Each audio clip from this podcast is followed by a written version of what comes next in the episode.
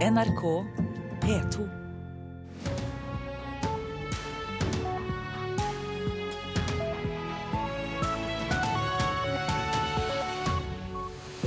Og her i Nyhetsmorgen får du vite mer om rettssaken mot Eirik Jensen og Purk eller skurk, NRKs podkast om Jensen og saken mot ham. Folk flest har fått mindre penger å rutte med i år, ifølge Norges Bank. Magnus Carlsen er ute av form, men kan fremdeles vinne hurtigsjakk-VM, mener norske sjakkeksperter. Og er Afrika i ferd med å bli en økonomisk og demokratisk overraskelse? Vi spør vår korrespondent Sverre Tom Rådøy.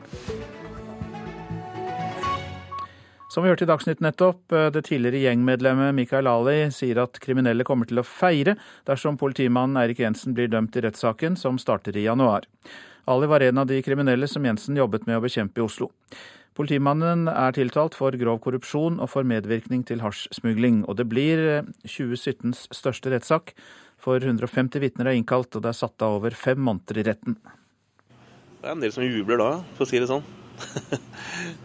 for altså, det er eh, Han er ikke noen populær herremann i disse miljøene. Det er han ikke. Mikael Ali snakker om hvordan det tidligere miljøet hans vil reagere dersom politimann Eirik Jensen blir dømt. Selv var Ali en del av en kriminell underverden i Oslo som politimannen var satt til å bekjempe gjennom gjengprosjektet X-Ray. En eh, nokså tøff underverden. Jeg var redd meg selv, hva jeg kunne finne på. Såpass ustabil var jeg i den perioden. Du kan tenke deg kokain, steroider, eh, whisky, vodka og våpen. Det var da de norsk-pakistanske gjengene skøyt på åpen gate på Aker Brygge i 2006. Så skjedde det igjen. At politiet for alvor gikk etter gjengmiljøene. Pakistanske gjenger braker sammen i Oslo sentrum. Vi merka en stor forskjell, forteller Mikael Ali i NRK-podkasten 'Purk eller skurk'. Det ble intensivt.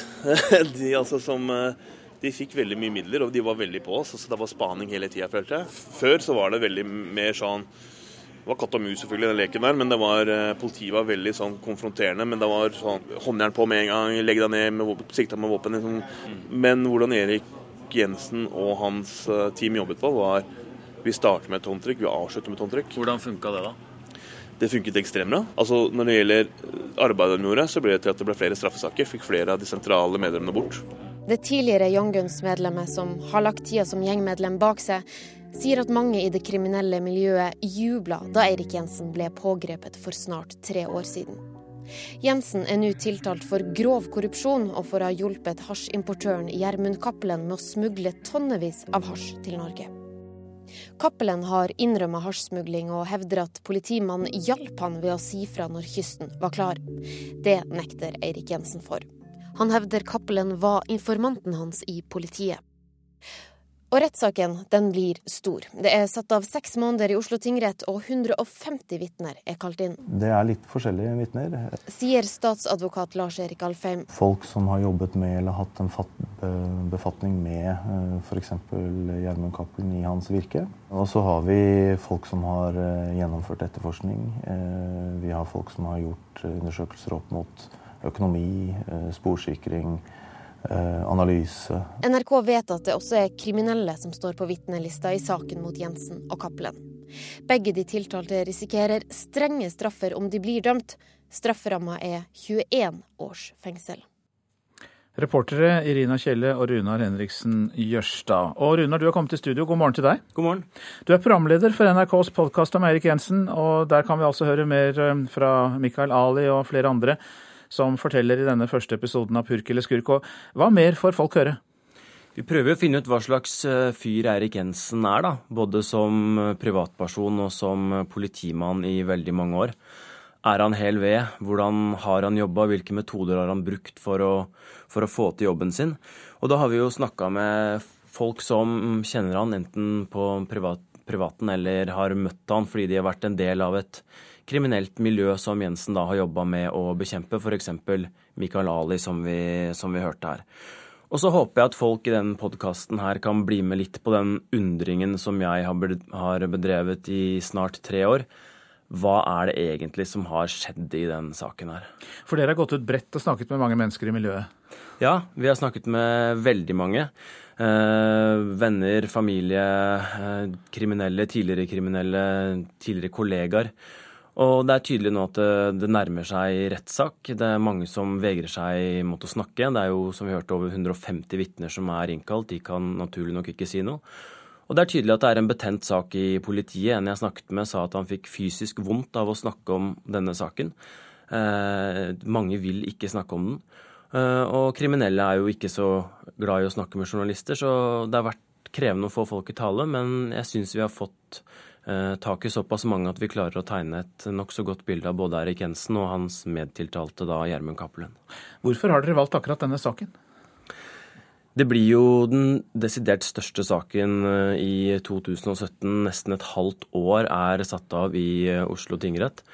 Og så er det en uh, veldig spesiell sak. Vi har ikke hatt en slik sak uh, tidligere i Norge. Det er den mest alvorlige tiltalen mot en politimann i Norge noensinne, sa jo Sveinung Sponheim, tidligere visepolitimester uh, i Oslo her tidligere.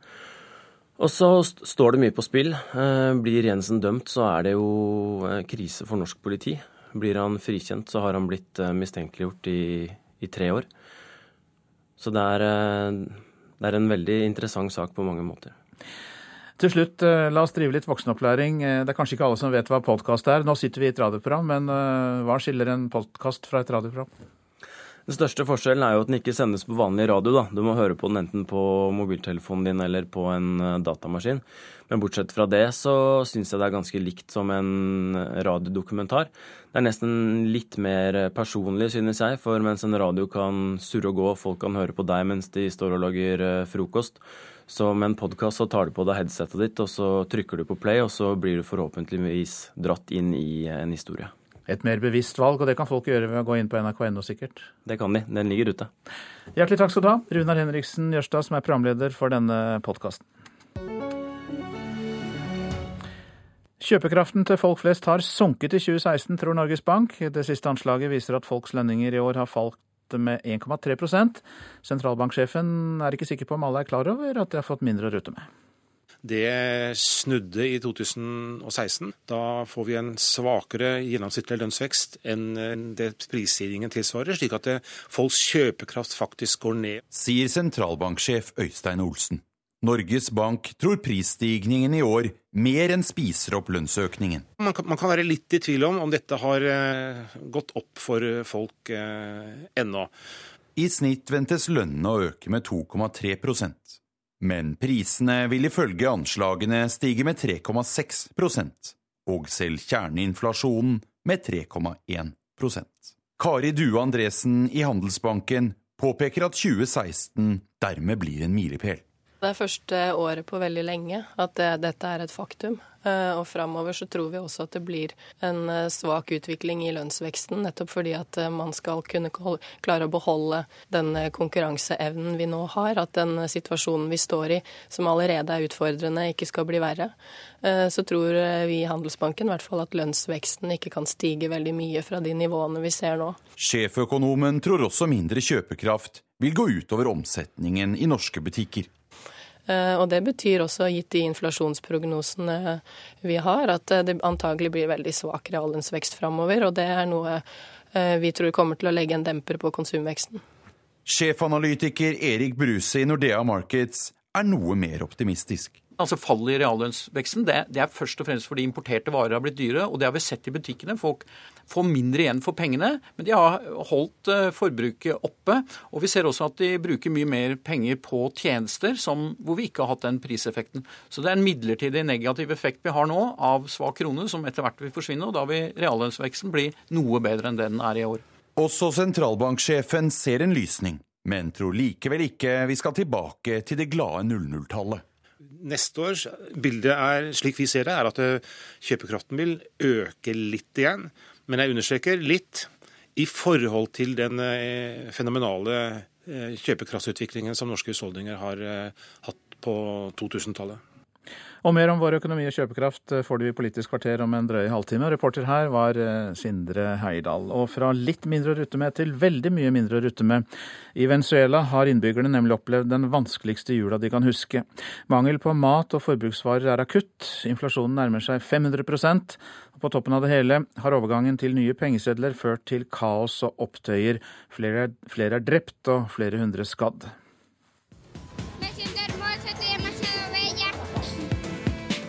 En kristen organisasjon deler ut julegaver til 40 000 fattige barn på en fotballstadion i Caracas. Et lite lysglimt i en tragisk jul for folket i Venezuela. Etter flere år med økonomisk krise, matmangel og skyhøy kriminalitet fikk venezolanerne tidenes dårligste julegave av landets myndigheter. Innbyggerne i byen La Fria i det sørøstlige Venezuela går amok etter at regjeringen har satt i verk en kaotisk innføring av nye pengesedler i landet. Den vanligste pengeseddelen, 100 bolivar, blir ugyldig før de nye sedlene er satt i omløp, og dermed står folk uten mulighet for å kjøpe det de trenger til jul. Det fører til en regelrett plyndring av stedets supermarkeder, og politiet settes inn med køller og tåregass. De må høre på oss, myndighetene må finne en løsning, roper husmoren Lucrecia Morales, som prøver å roe ned gemyttene. Barna våre er sultne, de lider, og vi får ikke engang brukt de få pengene vi har, fordi de ikke lenger er gyldige. Vi er mennesker, vi har følelser vi også, og vi er foreldre, sier den fortvilte husmoren i La Fria i Venezuela. Men landets president Nicolas Maduro svarer på kritikken med å tromme sammen sine tilhengere til en demonstrasjon der han gir landets høyreside og dens påståtte agenter i utlandet skylden for problemene. Estamos siendo víctimas vi er ofre for en internasjonal sabotasje som gjør at de nye pengesedlene ikke er blitt ferdige i tide. Dette er en del av den økonomiske krigen som høyresiden fører mot folket, sier presidenten. Men to dager senere gjør presidenten helomvending og forlenger fristen for å bruke de gamle sedlene. Det løser den akutte pengekrisa, men minst tre mennesker har mistet livet, og flere hundre er skadd i kaoset som er utløst. Reporter i Rio de Janeiro var Arnt Stefansen. Klokka har passert eh, kvart over sju. Dette er hovedsaker. Dersom politimannen Eirik Jensen blir dømt, er det mange i det kriminelle miljøet som vil feire, sier et tidligere gjengmedlem. NRK lanserer en podkast om Jensen-saken i dag. Folk flest har fått mindre å rutte med i år, ifølge Norges Bank. Det siste anslaget viser at folks lønninger dette året i snitt har falt med 1,3% To personer mistet livet da 14 jernbanevogner sporet av nord i India. Ulykken skjedde i morges nær byen Kanpur i delstaten Uttar Pradesh. Og Magnus Carlsen er ute av form, men kan fremdeles vinne hurtigsjakk-VM, mener norske eksperter. Hør mer om det snart.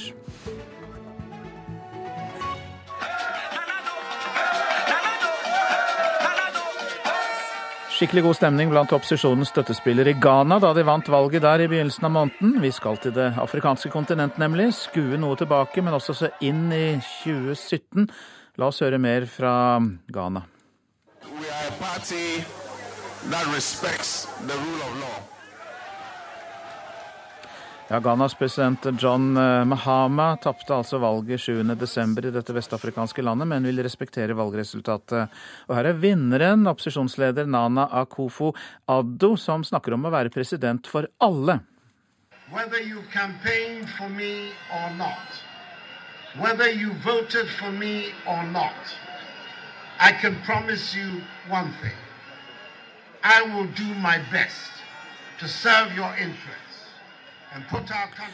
Afrikakorrespondent Sverre Tom Radøy, du er med oss fra Nairobi. og Er Ghana et eksempel på at en fredelig overlevering av makt etter hvert har festet seg der? Altså Ghana, gullkysten, lite land i Vest-Afrika, kjent eh, norsk for norsk eh, og, norsk og danske interesser, som eh, gjorde seg styrtrike på slavehandel. Dette landet det har blitt framstilt som, som, et eksempel på, på, et land som er godt styrt i Afrika sør for Sahara. Det første som fikk ble, ble, fritt fra kolonimakten. Det har forholdsvis gode statlige institusjoner og, og regnes som et sikkert og godt land å bo i. Ufortjent godt rykte, mener mange. Men det er altså da tredje gang denne opposisjonslederen vi hørte, har prøvd seg. Og denne gang klarte han det. Og den sittende presidenten erkjenner tapet. Så vidt jeg vet, så har ikke akkurat dette skjedd før. Og dette er selve lakmustesten selvsagt på et demokrati. At en sittende regjering taper et valg og går av frivillig. Er det andre positive eksempler på demokratisk utvikling i Afrika? Ja, det, det er det.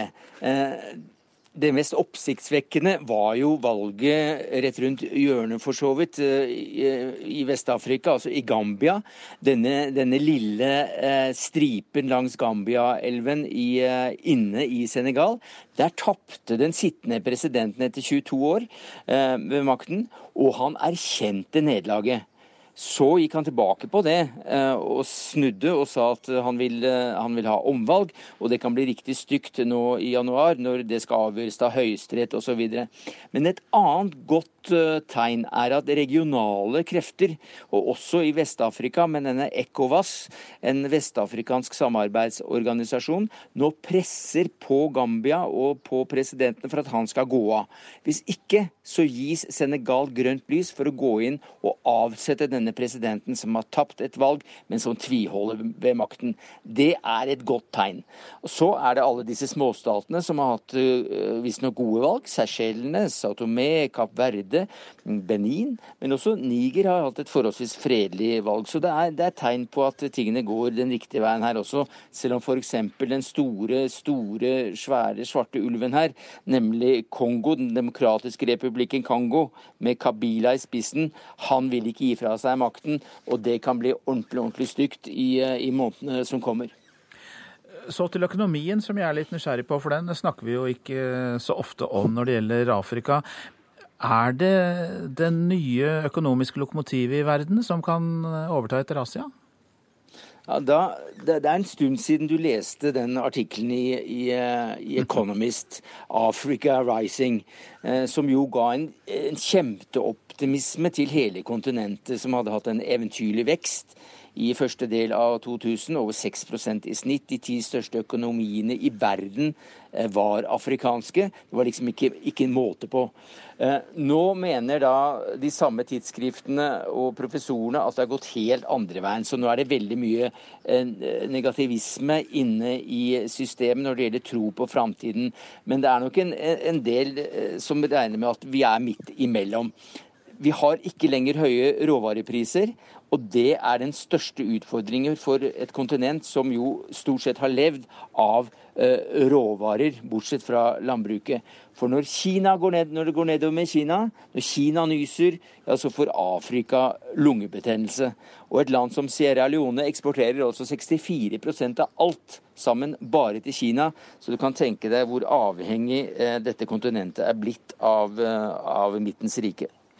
Helt til slutt, eh, Boko Haram har vi hørt mye om. De har begått terror i Nigeria og nabolandene Tsjad, Niger og Kamerun også. Eh, hvor sterkt står denne gruppen nå? Ganske nylig så er det gjennomført en kjempeaksjon inne i denne store skogen nordøst i eh, Nigeria, der Boko Haram skal ha hatt eh, sitt viktigste område.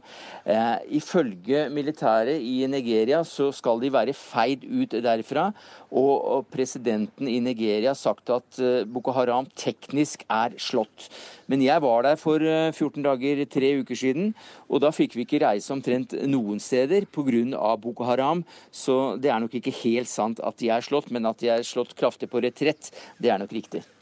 Noen glimt fra hva vi har hørt om i 2016, og hva som kan bli interessant å høre om i 2017. Hjertelig takk skal du ha, Afrikakorrespondent Sverre Tom Radøy fra Nairobi. Magnus Carlsen er ute av form, men kan fremdeles vinne hurtigsjakk-VM. Det mener NRKs sjakkekspert Torstein Bae, som får støtte i sitt syn fra kollega Atle Grønn. Grønn mener Vasilij Ivantsjuk fra Ukraina, som leder i Doha, ikke ser ut som en vinner, og at Carlsen kan dra nytte av at det er tett i toppen på hurtigsjakkens siste dag. Altså, fordelen hans er jo at de andre også slår hverandre.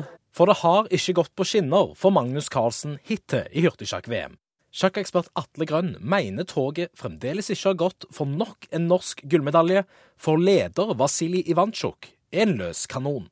Eh, Ivanchuk som leder er såpass uberegnelig at jeg er litt i tvil om han klarer å holde fem partier til.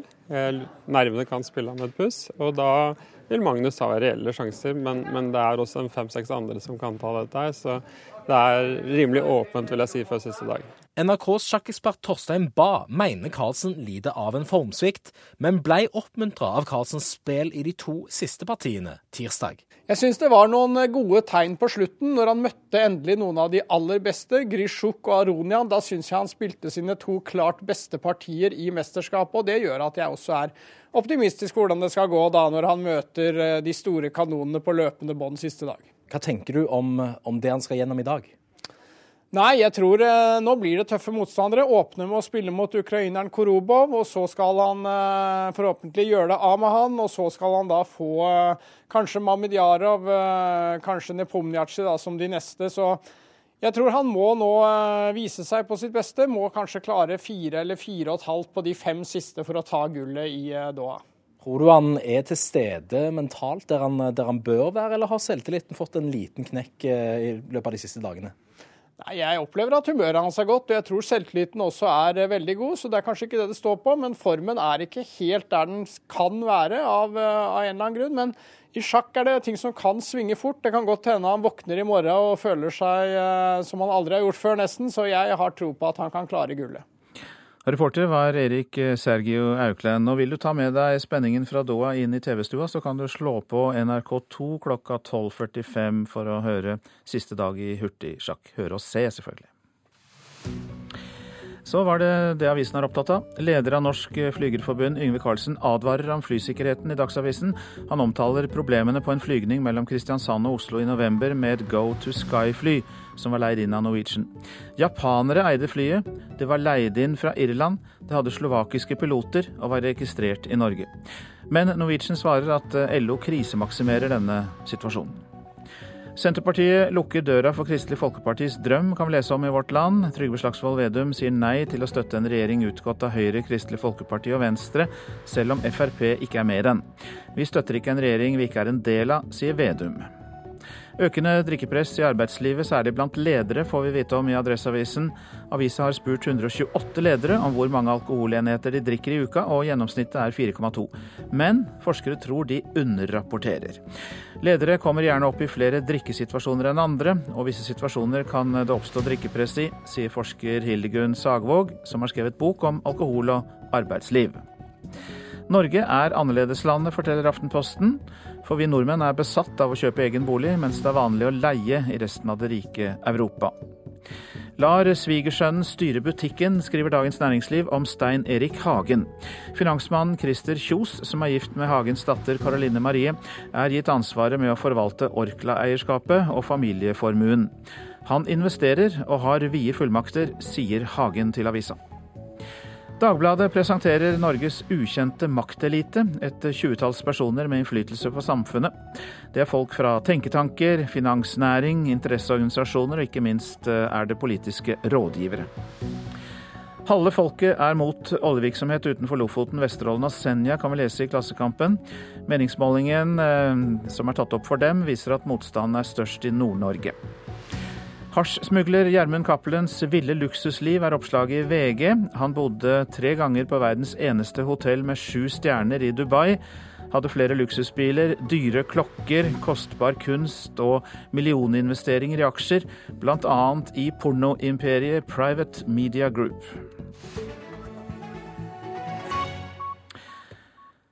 Nå til Hamar, for der skal vi høre om et stjålet gulleple. Det skapes uh, uro, humor og dramatikk når turnékompaniet presenterer årets romjulsteater. I landet bak fjellet var allting så godt. Fuglen flyr over land og hav. De lover eventyraktig julemagi for små og store. Gjengen bak romjulsforestillinga Gullfugl i Hamar teater.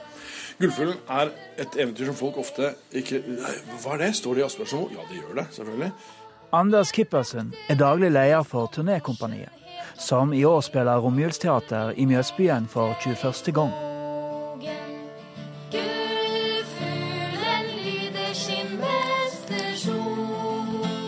Så Romjulsteatret har egentlig spilt veldig mange klassiske eventyr. Vi, spiller, vi lager våre egne versjoner hele tiden, men her har vi hatt både Rose og Askepott og Oh, alt det med Snehvit og syv I fjor var det Katten med støvlene. Da fikk jeg lov til å være katten. Ja, var, jeg var en ordentlig ekkel pusurvariant og hadde det veldig gøy. Lett, lettere provoserende. Eh, men vi lager et nytt stykke hvert år, og det er noe av gøya. Ah, plutselig er de ute. Oh, nei, det må ikke være sånn. I årets romjulsforestilling dukker Anders Kippersund opp som troll med det ikke helt flatterende navnet. Det heter bare dust. Jeg skryter av å være det dummeste trollet. Doroteus var det. Doroteus! Trollet Doroteus, klar for action. Nå er Romjulsteatret for lengst blitt en juletradisjon på Hamar. Ja, ja, nå har vi også folk som var med på det første, som kommer tilbake igjen med barn og barnebarn, faktisk. Så det er liksom Og det er flere som sier er, Du får den der klassiske 'Det blir ikke jul uten Romjulsteatret', og det syns vi er godt å høre. Gullfuglen gjør som den sier har sagt. Du eier en rikdom ufattelig stor. Med profesjonelle og unge amatører side om side er målet rett og slett å gi julegave til folk i Hamar.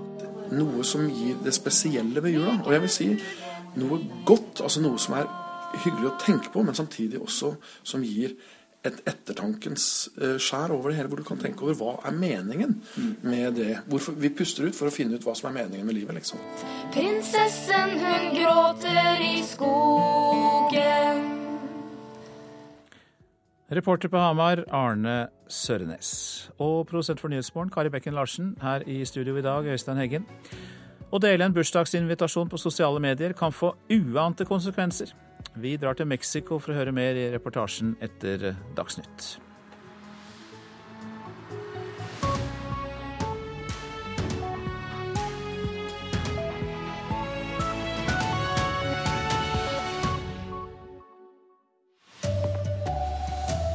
Kriminelle kommer til å feire dersom politimann Eirik Jensen blir dømt. Folk flest får mindre penger å rutte med, og norske kommuner går til kamp mot sentrumsdød. Her er NRK Dagsnytt klokken er 7.30. Dersom politimannen Eirik Jensen blir dømt, er det mange i det kriminelle miljøet som vil feire. Det sier tidligere gjengmedlem i Young Guns, Mikael Ali. Politimannen er tiltalt for grov korrupsjon og for medvirkning til hasjsmugling over mange år. Og dette kommer til å bli neste års største rettssak, for 150 vitner er innkalt, og det er satt av seks måneder til rettssaken. Det er en del som jubler da, for å si det sånn. Mikael Ali snakker om hvordan det tidligere miljøet hans vil reagere dersom politimannen Eirik Jensen blir dømt. Han er ikke noen populær herremann i disse miljøene. Det er han ikke. Det var etter at norsk-pakistanske gjenger skøyt på åpen gate på Aker Brygge i 2006. Så løp de rundt hjørnet, og så skøyt de gjennom bilen min her. At politiet og Eirik Jensen for alvor gikk etter gjengmiljøene. Vi merka en stor forskjell, forteller Mikael Ali i NRK-podkasten Purk eller skurk. Det ble intensivt. De, altså, som, eh, de fikk veldig mye midler, og de var veldig på oss. Så det var spaning hele tida, følte jeg. Men hvordan Erik Jensen og hans eh, team jobbet på, var vi starter med et håndtrykk, vi avslutter med et håndtrykk. Hvordan funka det, da? Det funket ekstremt bra. Altså, når det gjelder arbeidet de gjorde, så ble det til at det ble flere straffesaker. Fikk flere av de sentrale medlemmene bort. Det er snart tre år siden Eirik Jensen ble pågrepet på jobb. Nå er han tiltalt for grov korrupsjon og for å ha hjulpet hasjimportøren Gjermund Cappelen med å smugle tonnevis av hasj til Norge. Jensen nekter straffskyld. Og rettssaken den blir stor. Det er satt av seks måneder i Oslo tingrett, og 150 vitner er kalt inn. Det er litt forskjellige vitner. Sier statsadvokat Lars Erik Alfheim. Folk som har jobbet med eller hatt en befatning med f.eks. Gjermund Cappelen i hans virke. Folk som har eh, gjennomført etterforskning. NRK vet at det også er kriminelle som står på vitnelista i saken mot Jensen og Cappelen. Begge de tiltalte risikerer strenge straffer om de blir dømt. Strafferamma er 21 års fengsel. Reportere her var Irina Kjelle og Rune Henriksen Jørstad, og du kan høre mer i første episode av podkasten Purk eller skurk, som ble lansert nå i morgentimene. Kjøpekraften til folk flest har sunket i løpet av året, det mener Norges Bank. Det siste anslaget viser at våre lønninger i år egentlig har falt med 1,3% og sentralbanksjefen tror det er få som vet at de har fått mindre å rutte med. Det snudde i 2016. Da får vi en svakere gjennomsnittlig lønnsvekst enn det prisstigningen tilsvarer, slik at folks kjøpekraft faktisk går ned. Sier sentralbanksjef Øystein Olsen. Norges Bank tror prisstigningen i år mer enn spiser opp lønnsøkningen. Man kan være litt i tvil om om dette har eh, gått opp for folk eh, ennå. I snitt ventes lønnene å øke med 2,3% men prisene vil ifølge anslagene stige med 3,6 Kari Due Andresen i Handelsbanken påpeker at 2016 dermed blir en milepæl. Det er første året på veldig lenge at det, dette er et faktum. Sjeføkonomen tror også mindre kjøpekraft vil gå utover omsetningen i norske butikker. Det er noe eh, vi tror kommer til å legge en demper på konsumveksten. Sjefanalytiker Erik Bruse i Nordea Markets er noe mer optimistisk. Altså Fallet i reallønnsveksten det, det, er først og fremst fordi importerte varer har blitt dyre. og Det har vi sett i butikkene. Folk får mindre igjen for pengene. Så det er en midlertidig negativ effekt vi har nå av svak krone, som etter hvert vil forsvinne. og Da vil reallønnsveksten bli noe bedre enn det den er i år. Også sentralbanksjefen ser en lysning, men tror likevel ikke vi skal tilbake til det glade 00-tallet. Neste års bilde er, slik vi ser det, er at kjøpekraften vil øke litt igjen. Men jeg understreker litt. Reporter her var Sindre Heierdal. Vi skal til USA nå, for Donald Trump har utnevnt en ekspert på datasikkerhet som sin nye sjefsrådgiver for terror og innenrikssikkerhet. Thomas Bussett kommer til å bli likestilt med Trumps nasjonale sikkerhetsrådgiver i Det hvite hus, og han kan bli en av presidentens mektigste menn. Under president Obama har den nasjonale sikkerhetsrådgiveren også hatt ansvar for terror og innenrikssikkerhet. Nå blir stillingen delt. Thomas Bossert var assisterende sikkerhetsrådgiver under president George W. Bush, og har siden drevet et privat firma for risikoanalyse og vært knyttet til et forskningsprogram for datasikkerhet i tankesmia Atlantic Council. Det er knyttet stor spenning til hvilke råd han vil gi president Trump når det gjelder russisk hacking, etter at et enstemmig etterretningsmiljø mener at slik hacking fant sted i forbindelse med valget i høst. Trump har så langt ikke villet kritisere Russland og president Putin. Utnevnelsen tolkes av mange som et tegn på at Trumps nasjonale sikkerhetsrådgiver, general Michael Flynn, får mindre innflytelse enn ventet.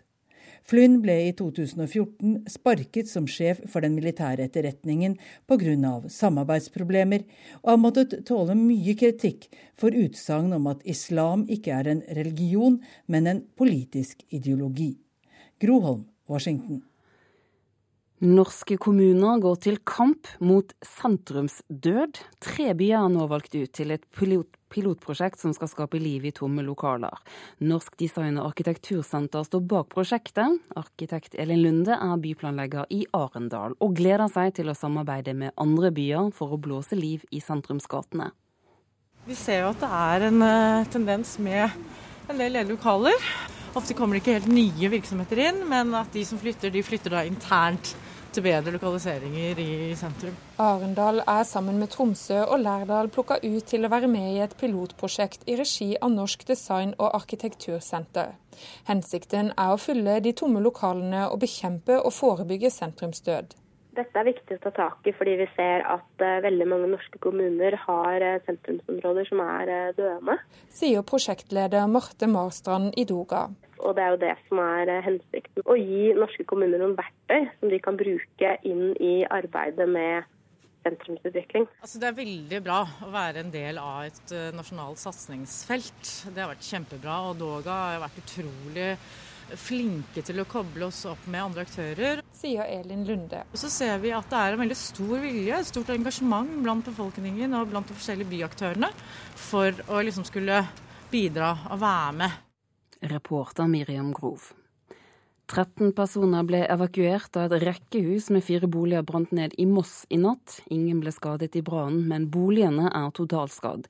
Kommunen har sørget for overnatting for de evakuerte. Brannårsaken er ikke kjent. Magnus Carlsen er ute av form, men han kan fremdeles vinne hurtigsjakk-VM. Det mener sjakkekspert Atle Grønn.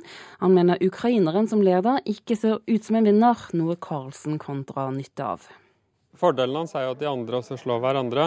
Eh, Ivan Sjuk som leder er såpass uberegnelig at jeg er litt i tvil om han klarer å holde fem partier til. Eh, nervene kan spille ham et puss, og da vil Magnus ha reelle sjanser. Men, men det er også fem-seks andre som kan ta dette her, så det er rimelig åpent, vil jeg si, før siste dag. NRKs sjakkekspert Torstein Bae mener Carlsen lider av en formsvikt, men ble oppmuntra av Carlsens spill i de to siste partiene tirsdag. Jeg syns det var noen gode tegn på slutten, når han møtte endelig noen av de aller beste, Grishuk og Aronian. Da syns jeg han spilte sine to klart beste partier i mesterskapet, og det gjør at jeg også er optimistisk hvordan det skal gå da når han møter eh, de store kanonene på løpende bånd siste dag. Reporter Erik Sergio Aukland. Star Wars-fansen sørger over at skuespiller Carrie Fisher er død. Hun var en fremtredende person i Hollywood hele sitt liv. Mest kjent er hun for rollen som prinsesse Leia. I'm sure Luke wasn't on that thing when it blew. He wasn't. I can feel it. Jeg tenker at nå er jo, som mange har sagt, at nå er hun i ett med kraften. Liksom. Nå er liksom, nå er der oppe, liksom. Det sier Even Ellingsen. I går kveld fikk han og andre Star Wars-fans verden over den triste beskjeden om at Carrie Fisher er død, bare 60 år gammel. Hun vokste jo bare ut i de tre filmene som var med i første, og, og fortsatte jo som en, veldig, som en bauta i, i, i, Force Awakens i fjor. Så jeg føler at hvis hun har vært med, så føler jeg at Star Wars har vært veldig mye fattigere. Fischer var åpen om at den enorme suksessen påvirket livet hennes, og ikke bare på en positiv måte. Hun sleit med rusmisbruk i flere år, og ble etter hvert diagnosert som bipolar. For de av oss som er Star Wars-fans og sliter psykisk med noe, så har hun betydd enormt mye. Det sier Henning Skje, en av lederne i fanklubben Star Wars Norge. Etter hvert, når man som innså problemene hennes og sånne ting, så var ærligheten hennes og åpenheten hennes rundt alt i livet hennes viste bare at hun også var en veldig sterk og god person i virkeligheten, ikke bare en karakter hun spilte. Reporter her var Hanna Hugl Revheim. Ansvarlig for NRK Dagsnytt denne morgenen er Anne Skårseth. Her i studio, Turi Grønbekk.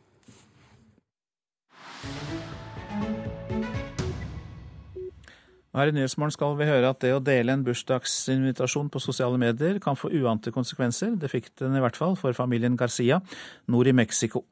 Feiringen av datteren Rubis 15-årsdag ble langt mer folksom enn planlagt, da faren ønsket alle hjertelig velkommen på Facebook.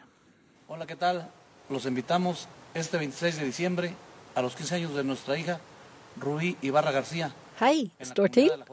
Vi vil gjerne be dere til vår datter Ruby Ibarra Garcias 15-årsdag i La Hoya. Pappa Crescencio syns nok det var en artig idé da familiens videoinvitasjon til datterens bursdagsfest ble postet på Facebook. Mellom faren i svart cowboyhatt og moren, som ser nokså skeptisk ut, står hovedpersonen selv, en sterkt sminket tenåring med falske øyenvipper og en tiara i det oppsatte mørke håret. Ruby skal feires som en prinsesse. Faren ramser opp navnene på bandene som skal spille på festen, og forteller at det også blir hesteløp med en premie på drøyt 4000 kroner, i tillegg til mye mat og drikke. Alle er hjertelig velkomne, sier han. Lite ante han hva det skulle bety. Feiringen av ei jentes 15-årsdag er en stor begivenhet i Latin-Amerika. Foreldrene sparer ikke på noe når en datters overgang fra jente til kvinne skal markeres. Familien Garcias mente det oppriktig da de ba alle om å komme og feire Ruby. Men med alle mente de noen hundre innbyggere i landsbyen La Hoya og folk ellers i nærområdet. Det de ikke hadde regnet med, var at deres Facebook-invitasjon skulle ta helt av på nettet. Men den ble plukket opp på YouTube og spredte seg som ild i tørt gress på sosiale medier. Ikke mindre enn 1,3 millioner mennesker over hele verden takket ja til å komme på bursdagsfesten. Jeg syntes det var morsomt, for jeg trodde det bare var en lokal sak. Så skjønte jeg hvor mange over hele Mexico, ja over hele verden, som visste om dette 15-årslaget. Det syns jeg var litt rart, for videoen var ikke spesielt bra, sier Anna Paula Garcia til nyhetsbyrået Reuters. Tyske journalister har vært her og intervjuet folk, medier fra hele Mexico og internasjonal presse også, forteller Rubis nabo Rotio Morales til Ap. Og det er ikke bare pressen som har hengt seg på. Det meksikanske flyselskapet Interjet tilbød før jul 30% rabatt på flyturer til San Luis Potosí, med slagordet 'Skal du på Rubis fest?'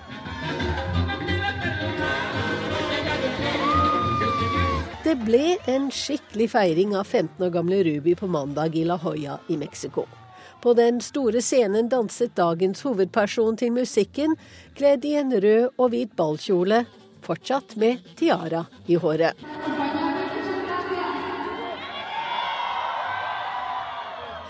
Litt brydd av all oppmerksomheten hun har fått, og kanskje litt overveldet også. For Ruby Ibarra Garcia er blitt kjendis. Det var ikke gratis flybilletter og hotellopphold på henne, et tilbud om å være med i såpeoperaen Guadalupes rose på meksikansk TV.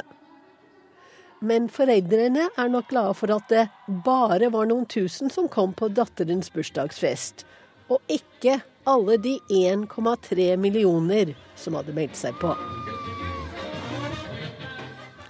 Reporter var Wenche Eriksen. Dette er hovedsaker i Nyhetsmorgen. Dersom politimannen Eirik Jensen blir dømt, er det mange i det kriminelle miljøet som vil feire. Det sier et tidligere gjengmedlem. NRK lanserer en podkast om Jensen-saken i dag. Folk flest har fått mindre penger å rutte med i år, ifølge Norges Bank. Det siste anslaget viser at folks lønninger dette året faller med 1,3% Magnus Carlsen er ute av form, men kan fremdeles vinne hurtigsjakk-VM. Det mener NRKs sjakkekspert Torstein Bae, og det er siste dag av hurtigsjakk i dag. Norske kommuner går til kamp mot sentrumsdød. Arendal, Lærdal og Tromsø er valgt ut til et pilotprosjekt som skal skape liv i tomme lokaler i sentrum av byer og tettsteder. 13 personer ble evakuert da et rekkehus eh, med fire boliger brant ned i Moss i natt. Ingen ble skadd i brannen, men boligene ble totalskadd. Og så er det Politisk kvarter, som er ved Sindre Heyerdahl.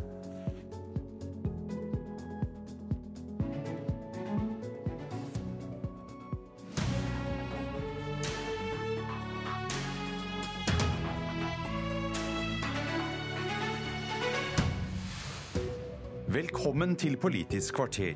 Helt på tampen av året skal vi se inn i den økonomiske krystallkula.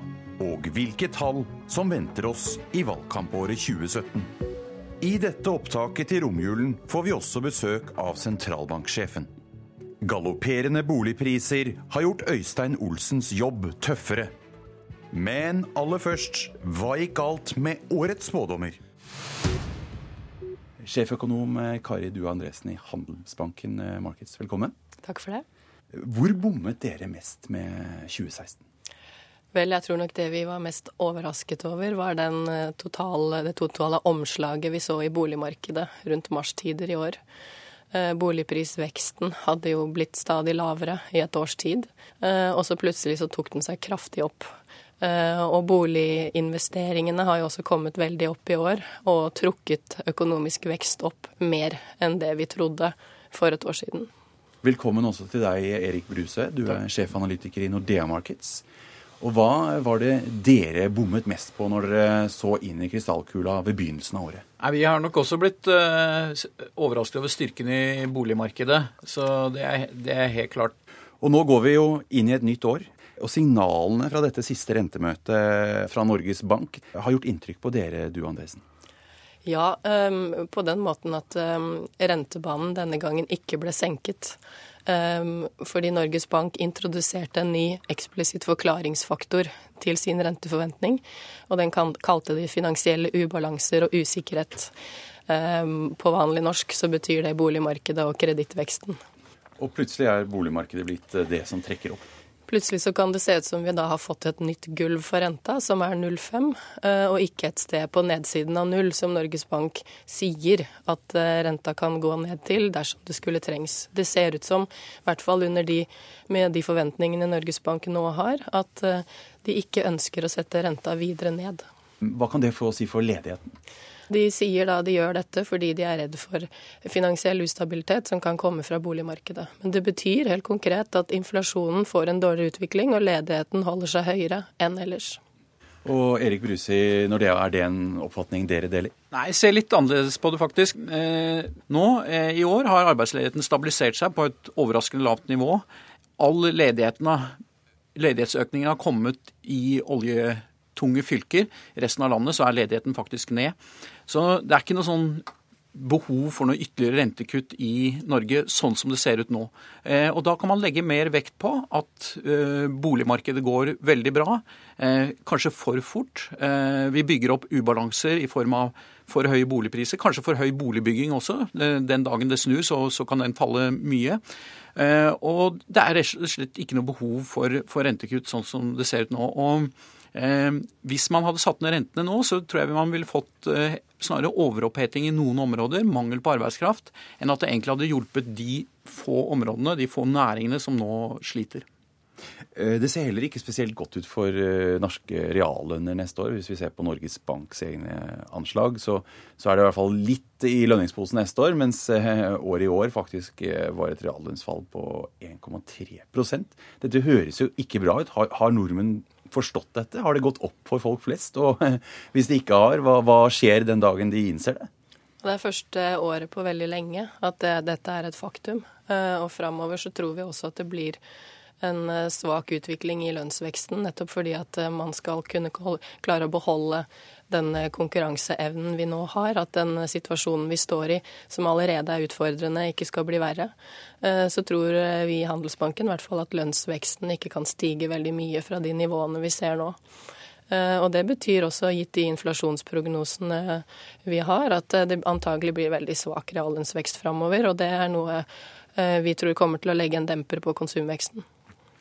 Den store forskjellen er jo at nå har eh, importørene har justert opp prisene på alle varer vi kjøper fra utlandet, rett og slett fordi krona har svekket seg veldig mye. De er snart ferdig, og da vil inflasjonen komme ned. Så vi vil få betydelig lavere inflasjon de neste årene. Og hvis eh, lønnsveksten holder seg på ja, nivåer som er forenlige med ja, stabil konkurranseevne, kanskje 2,5% så vil vi igjen få positiv reallønnsvekst.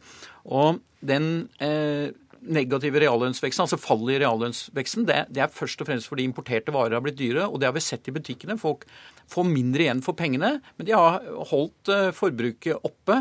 Og vi ser også at de bruker mye mer penger på tjenester som, hvor vi ikke har hatt den priseffekten. Så det er en midlertidig negativ effekt vi har nå av svak krone, som etter hvert vil forsvinne. Og da vil reallønnsveksten bli noe bedre enn det den er i år. Nå har jo eh, Olsen tid til å fordøye det dere har sagt her også. Neste rentemøte er i mars. Men hvis dere skulle gitt ett eh, klart råd for eh, neste år nå, hva ville det vært? Mitt råd vil være å følge med på den realøkonomiske utviklingen. Og hvis inflasjonen faller for langt under målet, så vil jeg kutte av renta. Det er ikke bare se på boligmarkedet. Ja, jeg ville ikke fokusert på inflasjonen. Jeg ville sett på arbeidsledigheten. Hvis, hvis, det er tegn til at arbeidsledigheten øker mye i Norge igjen, hvis vi går inn i en krise igjen, eh, da ville jeg anbefalt rentekutt. Men ellers så syns jeg sentralbanken gjør det helt riktig. Holder rentene stabile, eh, har et øye på boligmarkedet og bryr seg lite om at inflasjonen om et år eller to blir godt under målet. Er det en mulig siste X-faktor her også, den norske kronen, som jo har hjulpet oss litt i omstillingen, men som kanskje blir påvirket etter hvert av høyere oljepris osv.? Ja, definitivt. Altså, når krona hadde svekka seg med rundt 30% så var Norges Bank veldig påpasselig med å si at uh, dette er kjempebra for norsk økonomi. Det har barbert bort omtrent uh, et tiår med ekstraordinært høy lønnsvekst i Norge. Uh, etter det, denne toppen så har krona styrka seg med nesten 10% igjen. Og det tar bort en del av den fordelen. Og det er klart Hvis krona skulle fortsette å styrke seg, så forsvinner noe av denne bufferen som krona gir norsk eksportsektor. Jeg er helt enig i det. Hvis krona styrker seg mye, så får Norges Bank et problem. Da forsvinner mye av den konkurranseevneforbedringen. Men jeg tror skal, krona den går opp og ned. Eh, og det viktigste nå framover er at vi greier å holde lav lønnsvekst, sånn at vi vinner konkurranseevne mer på varig sikt.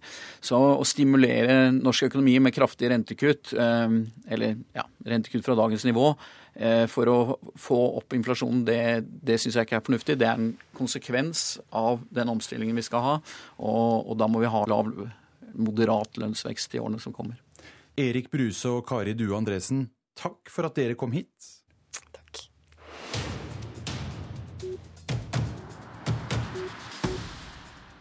Sentralbanksjef Øystein Olsen, velkommen. Takk skal du ha. Hva kommer du til å tenke på når uh, nyttårsrakettene fyres av om et par dager? Økonomi, selvfølgelig. I vid forstand. Og når jeg tenkte på nyttårsrakettene, så tenkte jeg også på at du da faktisk starter på ditt åremål nummer to eh, ja. rett over midnatt eh, ja, 1. januar. Det er, en, det er en god påminning. Er det en mulighet for at også etter ditt eh, andre åremål at vi vil se renter omtrent på disse rekordlave nivåene vi har nå? Altså da, Et år må vare i seks år, eh, seks år i utgangspunktet. Så da ser vi jo langt frem i tid. Eh, vi har jo varslet eh, nylig at mest sannsynlig vil bli renten styringsrenten, og følgelig mange andre renter blir liggende på et, et, dagens lave nivå en god stund fremover. Usikkerheten er til stede begge veier, men mest sannsynlig så vil vi ha lav rente fremover en god stund. Men, men vi vil se tegn til at renten begynner å tikke opp uh, ifølge den planen. da. Og slik vi nå ser bildet i løpet av 2018 også, spår vi ikke lenger enn det foreløpig ved det siste rentemøtet og det dere signaliserte der, ligger det i praksis et rentegulv nå eh, framover i tid på omtrent eh, 0,5? Nei, det, det, er ikke slik det bør oppfattes. Selv om jeg, vi, vi, vi, vi hører jo og leser at enkelte kommenterer eh, våre rentebaner og våre signaler på den måten. Det, Eh, det er jo mange analytikere der ute som, som, som, som, eh, følger godt med, og som tolker det vi gjør. Men vi, er, eh, vi mener det vi sier. Og det er egentlig to ting. Usikkerheten er til stede. Vi har handlingsrom begge veier. Selv null er ikke noen absolutt grense dersom norsk økonomi skulle bli utsatt for store, nye forstyrrelser som tilsier til og med negativ rente. Eh, men mest sannsynlig, og siden det tross alt har gått litt bedre kanskje i den senere tid enn det vi la oss si så for oss på forsommeren, så er bildet slik vi nå ser det, helt klart at mest sannsynlig så blir renten liggende på dagens nivå eh, en god stund fremover. Det er det mest sannsynlige. Men hvis man snakker om sannsynligheten for en økning versus en nedgang, så er det fortsatt litt større sannsynlighet for at renten blir satt ned enn opp. Men er det én ting som gjør jobben din vanskeligere nå, så er det kanskje at eh, lavere styringsrenter ville fyrt opp boligmarkedet i Norge ytterligere? Altså, boligmarkedet har overrasket på oppsiden. Boligprisene har fortsatt å stige, eh, og de har steget sterkt den senere tiden. Eh, og boligprisvekst driver gjeldsvekst i husholdningene, som også har tikket et hakk opp. Og, og, og gjeldsnivået blant norske husholdninger er rekordhøyt. Eh, det er høyere enn noen gang historisk i Norge, og det er veldig høyt også i et internasjonalt perspektiv. Og Der ligger det en sårbarhet og en bekymring, bruker gjerne det ordet, i forhold til eh, faren for eh, Mest sannsynlig så går dette bra, men det er en fare for, når boligpriser og gjeld har tikket opp på et høyt nivå, at ut, muligens utløst av en hendelse så vil det måtte tvinge seg frem en, en, en nedbelåning blant husholdningssektoren. Og eller i hvert fall en, en, en situasjon hvor mange husholdninger må, velger å spare. Og Sparing er bra i mange situasjoner, og særlig for hver enkelt husholdning. Men når det skjer i en sånn tenkt situasjon som jeg nevner, og det skjer massivt, så vil det kunne forsterke en nedgang i økonomien. Og Det er et eh, bilde som, som vi er bekymret for. slik at Når vi sier at i dagens situasjon, med utgangspunkt i en rente som er veldig lav. Ja, det har kommet inn noe informasjon som kunne trekke renten ned. Men når vi er opptatt av, av utsikter fremover, av produksjon og sysselsetting i et litt lengre perspektiv, og i en verden preget av usikkerhet, så eh, valgte hovedstyret denne gangen å holde renten i ro. Uten eh, bekymringen for boligmarkedet, hadde det vært eh, nærliggende da for eh, dere i hovedstyret å faktisk kutte renten? Det korte svaret er jo ja. Hvis, eh, hvis, vi, hvis, man akkurat på det punktet i forhold til norsk økonomi og boligmarkedet hadde hatt en annen utvikling, så ville vår bekymring rundt dette, og følgelig argumentet vårt for å holde igjen på å senke renten ytterligere fra dagens lave nivå, vært eh, noe, noe, mindre. Men samtidig så har jeg lyst til å understreke det vi skriver også i pengepolitisk rapport, nemlig at renten er lav. Den har kommet veldig langt ned. Og Det er grunn til å stille seg spørsmål, og vi gjør det. Og vi har støtte i teori og godt skjønn nå for øvrig, at uh, virkningen av enda lavere rente er, er usikker. Eh, så vi har det generelle argumentet også i forhold til å gå varsomt frem i rentesettingen, som vi også legger vekt på. Og Har du også i bakhodet her da at dette er upløyet mark? At vi ikke er vant til å ha så lave renter over lang det, det, er en del av dette usikkerhetsbildet som jeg, som, jeg, som jeg, nevner. Vi har eh, aldri hatt så lave eh, renter noen gang. Og som sagt, renten korrigert for prisstigning er, er negativ. Vi har en ekspansiv eh, pengepolitikk. Eh, og det har eh, Norges Bank de siste par årene bidratt til, nettopp med tanke på å motvirke den nedgangen som har fulgt i norsk økonomi. Eller i hvert fall den klare avdemping av vekst i norsk økonomi som har fulgt i, i kjølvannet av fallende oljeinvesteringer og oljeprisfallet. Og I deres siste tall nå eh, så lå det jo også inne en eh, projeksjon på eh, reallønnen i år. Og vi nærmer oss jo nyttår. Og der ligger det inne da et reallønnsfall på, på 1,3% altså inflasjon tatt med. Dette er jo ikke noe nordmenn er vant med de siste tiårene. Tror du folk egentlig er klar over den utviklingen? Nei, det er, et, det er et godt spørsmål. Iallfall er det helt riktig det du sier, at eh, norske husholdninger har tvert om blitt vant til i mange år nå en uh, veldig god utvikling i kjøpekraften eller uh, i reallønningene. Lønningene har vokst klart sterkere enn prisene. Det snudde i 2016. Da er det motsatt. Da får vi en svakere gjennomsnittlig lønnsvekst enn uh, en, en det prisstigningen tilsvarer, slik at det, folks kjøpekraft faktisk går ned. og og ja, man kan, man kan, være litt i tvil om om dette har eh, gått opp for folk eh, ennå. Og, og, Hvis jeg da går til bildet fremover, så er det fortsatt Neste års bilde er, slik vi ser det, er at eh, kjøpekraften vil øke litt igjen. Men jeg understreker litt i forhold til den eh, fenomenale eh, kjøpekraftsutviklingen som norske husholdninger har eh, hatt på 2000-tallet. Takk skal du ha, Øystein Olsen. Og, Hyggelig å være her. Og lykke til med dine seks neste år. Jo, mange takk. Dette var Politisk, eller skal vi si Pengepolitisk kvarter. Jeg heter Sindre Heierdal.